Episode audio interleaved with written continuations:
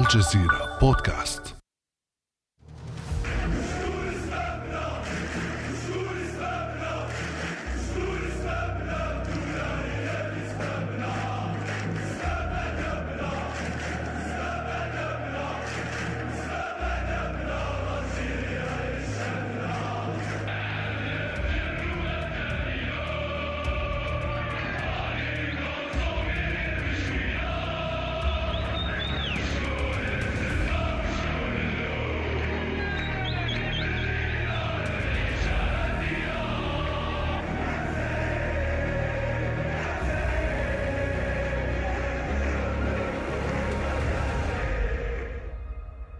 هذه عينة من أغان غاضبة ضجت بها ملاعب كرة القدم في الجزائر ورددتها حناجر الآلاف من جماهير النوادي على مدار السنوات.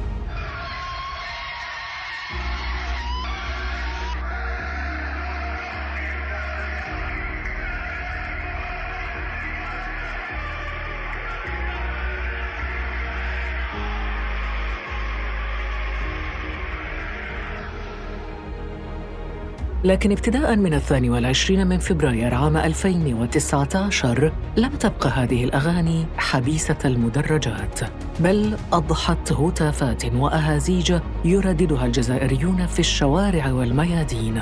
في سياق حراك شعبي شارك فيه الملايين طيلة أشهر عديدة. كما يقول الرئيس الجزائري عبد المجيد تبون.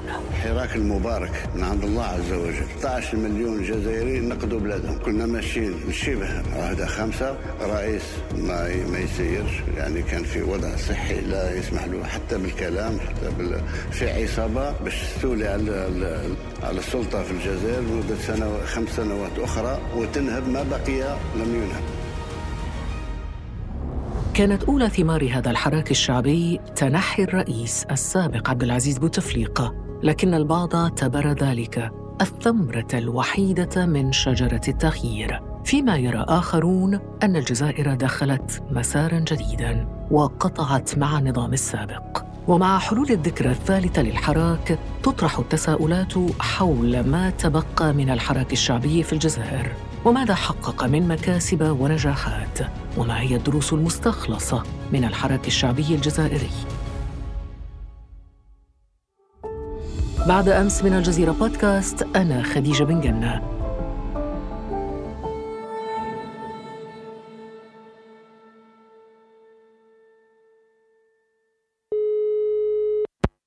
يسعدني أن أستضيف الدكتور إسلام بن عطية الأكاديمية والناشط السياسي الجزائري. صباح الخير دكتور إسلام.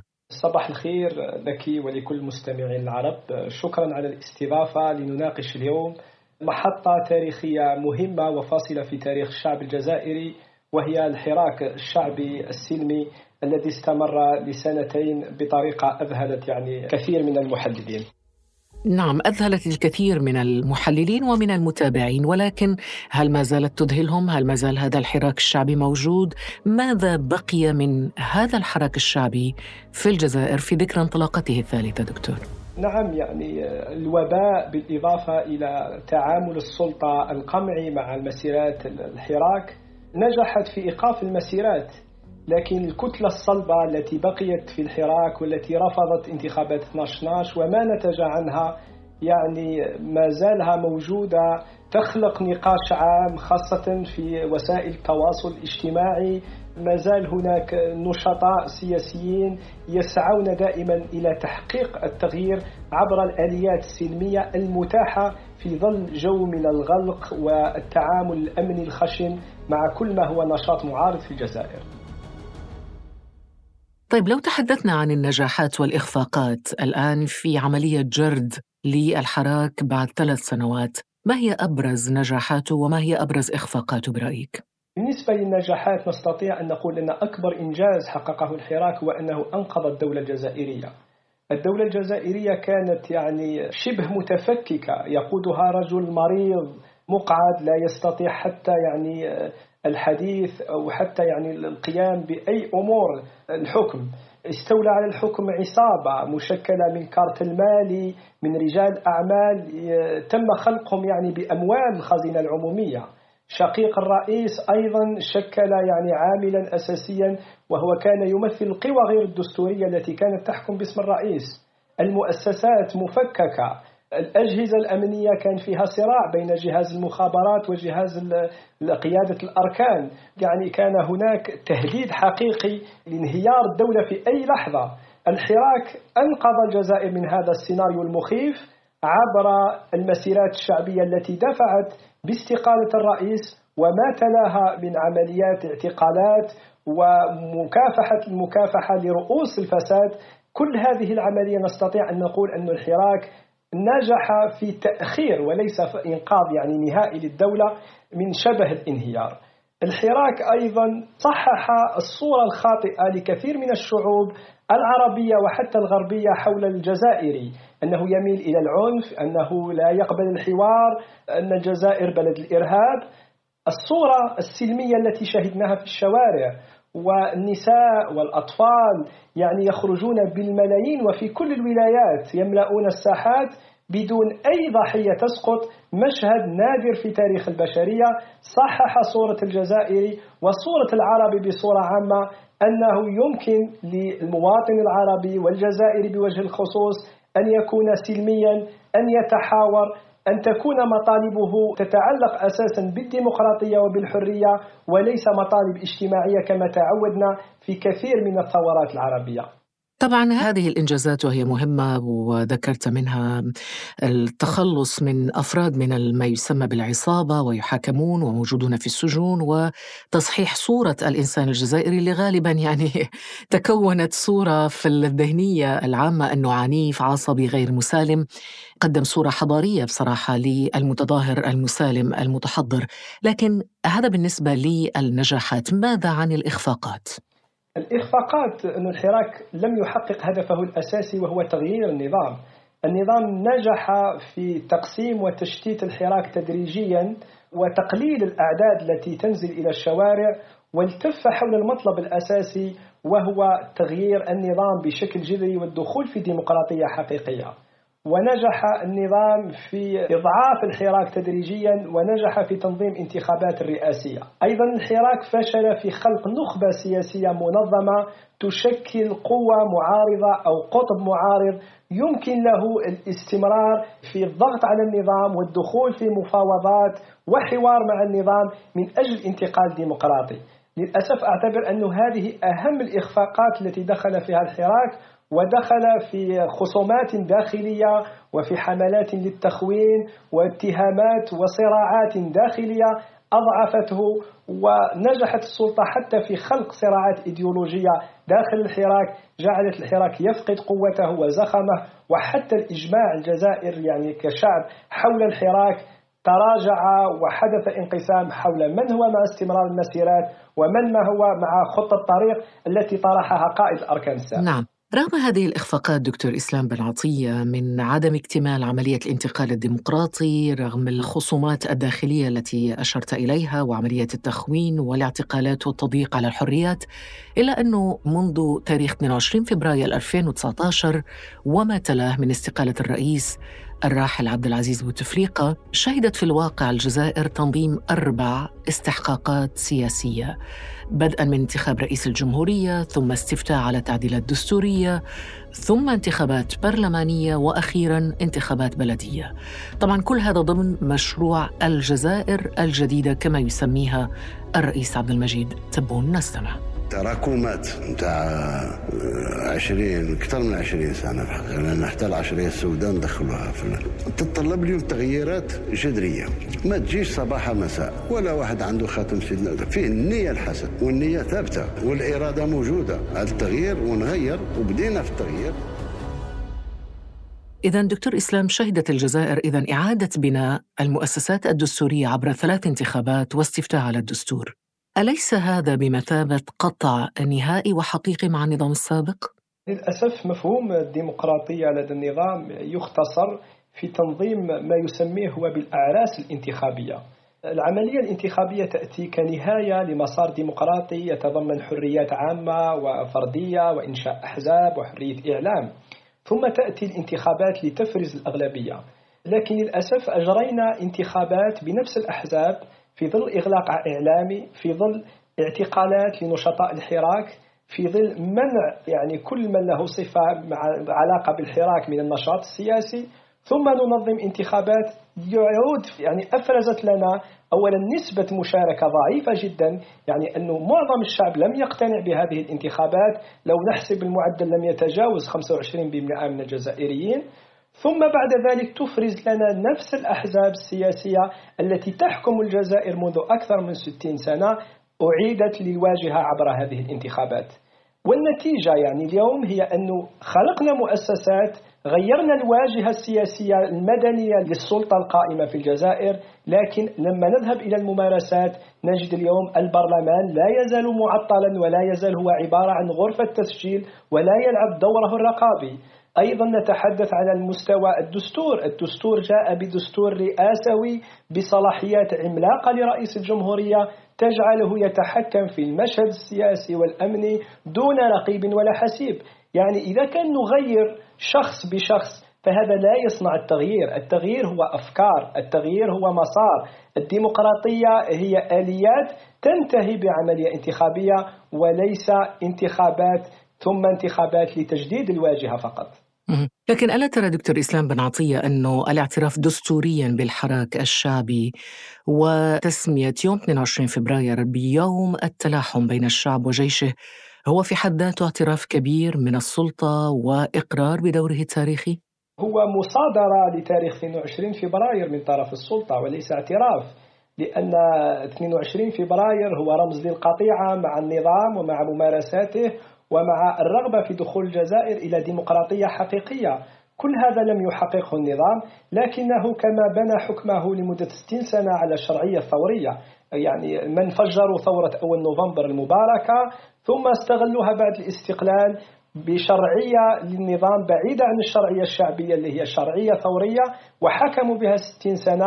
اليوم يريدون مزيدا من مصادرة تاريخ الذي يصنعه الشعب وتريد السلطة أن تبقي هذا التاريخ وأن تتحكم فيه وتصنع يعني تاريخه وتكتبه كما تشاء. هي يعني الاعتراف لا يساوي شيئا إذا كان ما خرج منه الجزائريين لم يتحقق إلى غاية الساعة. يعني أنت تطالب بشرعية حراكية بديلة للشرعية التاريخية. أنا لا أؤمن بالشرعية الحراكية ولا بالشرعية التاريخية. أنا إنسان يؤمن بالديمقراطية والديمقراطية فيها جانب يسمح لنا في النهاية بالوصول إلى الشرعية الشعبية التي لا بديل عنها ولا توجد أي مشروعية يمكن أن تكون بديلا عن الشرعية الشعبية حتى شرعية المؤسسة العسكرية وتدخلها في الحياة السياسية لا يجب أن تكون بديلا عن الشرعية الشعبية. نعم. ثلاث سنوات مرت على ذلك اليوم التاريخي الثاني والعشرين من فبراير وإلى اليوم ما زالت مواقف الجزائريين منقسمة بين من يرى أن الحراك انتهى وحقق كل أهدافه وأخرى ترى أن الحراك باق لأنه فكرة والفكرة لا تموت. هنا نسألك دكتور إسلام بن عطية كيف يمكن للجزائر أن تستفيد من هذه الديناميكية التاريخية التي خلفها الحراك الشعبي على مدى السنوات الثلاث الماضية.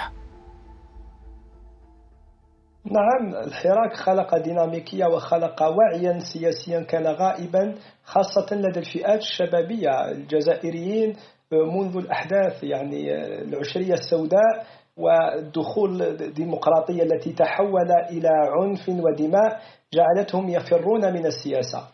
الحراك صالح بين الجزائر والسياسة لكنه لم يستطع أن يخلق مصالحة بين الجزائر ونظام الحكم. لكن هذه الديناميكية التي خلقها الحراك ستبقى لأنه عامل الزمن السياسي مهم جدا لأنه معظم من كان يخرج في المسيرات ومن بقي في المسيرات هم شباب هم دون الأربعين سنة. أما منظومة الحكم للأسف فشلت في تجديد نفسها اليوم لو نرى من يعني يقودون الواجهة النظام معدل أعمارهم أكثر من 76 سنة يعني عامل الزمن السياسي هو لصالح الحراك فقط نحتاج مزيد من النضج مزيد من العمل الجماعي مزيد نعم. من طيب هل يمكن أن يعود برأيك الحراك مستقبلا بأي شكل من الأشكال؟ لا أعتقد ذلك لأن عودة الحراك بنفس الأسلوب وبنفس الطريقة سيؤدي حتما إلى نفس النتائج. لا نحتاجه اليوم قبل أن نجعل من الشارع وسيلة لتحقيق توازن في القوى مع النظام. نحتاج إلى تأسيس لمعارضة سياسية حقيقية مجتمعة حول خارطة طريق لانتقال ديمقراطي. لأن خروج الجماهير كما شاهدناه في الحراك يعني دون نظرة مشتركة ودون خطة طريق يجعل من السهل تفكيك هذه الكتلة وتشتيتها حول مطالب ثانوية.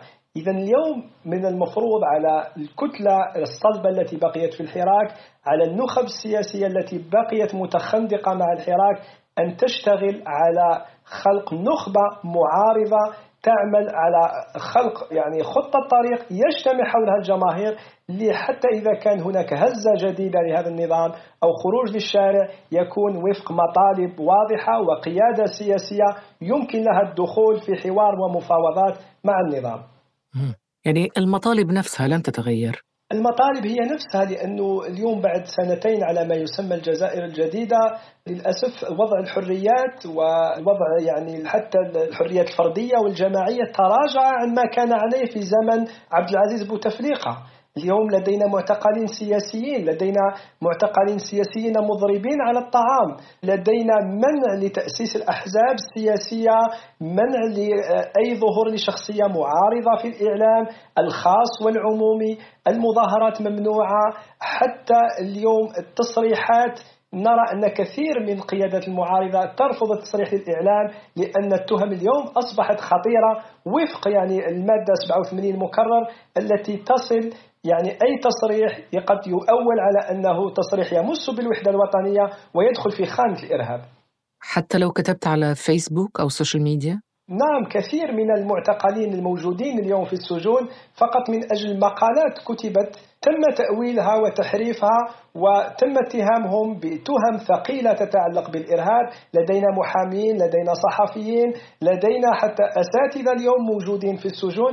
فقط بتهم تتعلق بمنشورات توصفت بأنها إرهابية وهم اليوم حتى المحاكمات لم تبرمج هم فقط في سجن احتياطي ينتظرون محاكمة عادلة لأن البراءة ستكون يعني من نصيبهم في حال ما كانت المحاكمة عادلة. طيب ربما تجد آه، دكتور إسلام بن عطية من يقول لك أنه هذه المطالب مطالب مشروعة ولكن المرحلة تغيرت. هناك متطلبات جديدة لمرحلة جديدة وهناك أولويات أخرى هناك الملكة كورونا تحكم العالم وهناك أزمة اقتصادية هناك أزمة سياسية كبيرة مع دولة جارة وهي المغرب وبالتالي الأولويات لم تعد حرية التعبير وتعالى واكتب وصرح وتأسيس الأحزاب و و و ومنح الحريات وتنظيم المظاهرات وغير ذلك ما رأيك بهذا الكلام؟ لا يمكن أن نواجه التحديات الاقتصادية أو حتى التحديات الخارجية في ظل جبهة داخلية هشة وضعيفة. إذا كنا نريد حقيقة أن نبني اقتصادا جزائريا قويا أو نواجه التحديات التي هي حقيقة موجودة على كل حدودنا الغربية أو الشرقية أو حتى الجنوبية كلها دول غير مستقرة سياسيا. لكن في ظل جبهة داخلية هشة اليوم الأجهزة الأمنية أو حتى المؤسسة العسكرية منقسمة بين العمل على تأمين الحدود والعمل على قمع ومراقبة النشطاء في الداخل. إذا كانت السلطة لديها نية صادقة في التعامل مع الواقع الموجود وعمل مرحلي أي ديمقراطية مرحلية أو ما يسمى بانتقال ديمقراطي مرحلي يمكن النقاش حوله في حوار وطني جامع في ظل على الأقل جو من الحرية حد أدنى بدون سجناء في إعلام على الأقل يحترم الرأي والرأي الآخر ويمكن وضع كل هذه التحديات الداخلية والخارجية على طاولة الحوار والنقاش حولها والخروج يعني خطة طريق وجدول زمني للذهاب إلى ديمقراطية تدريجية ولكن حقيقية. لكن للأسف النظام فقط جعل من هذه المخاوف حصان طروادة لمحاصرة المعارضة ولتخويف الشعب الجزائري. يعني محلك سر؟ لم يتغير شيء؟ لا يعني هذه الإجابة يمكن لكل المواطنين الجزائريين مجمعين حولها. لا الوضع الاقتصادي تحسن لأنه إذا تحدثنا أنه نقمع المعارضة ونوقف الحراك من أجل تحسين الوضع الاقتصادي والاجتماعي. اليوم لا الوضع الاقتصادي ازداد سوءا. قيمة الدينار انخفضت إلى أدنى مستوياتها. اليوم الجزائري قدرة الشرائية منهارة نهائيا. البطالة اليوم وصلت إلى 17% عجز الموازنة 30 مليار دولار. يعني لا الاقتصاد تحسن ولا الحرية السياسية. وأيضا دخلنا في صراعات خارجية ستضعف أيضا من دور الجزائر ومن حتى مشاكلها الداخلية. شكرا جزيلا لك دكتور إسلام بن عطية الأكاديمي والناشط السياسي الجزائري. كنت معنا من الجزائر. شكرا لك. شكرا على الاستضافة مره ثانية. بارك الله فيك. كان هذا بعد أمس.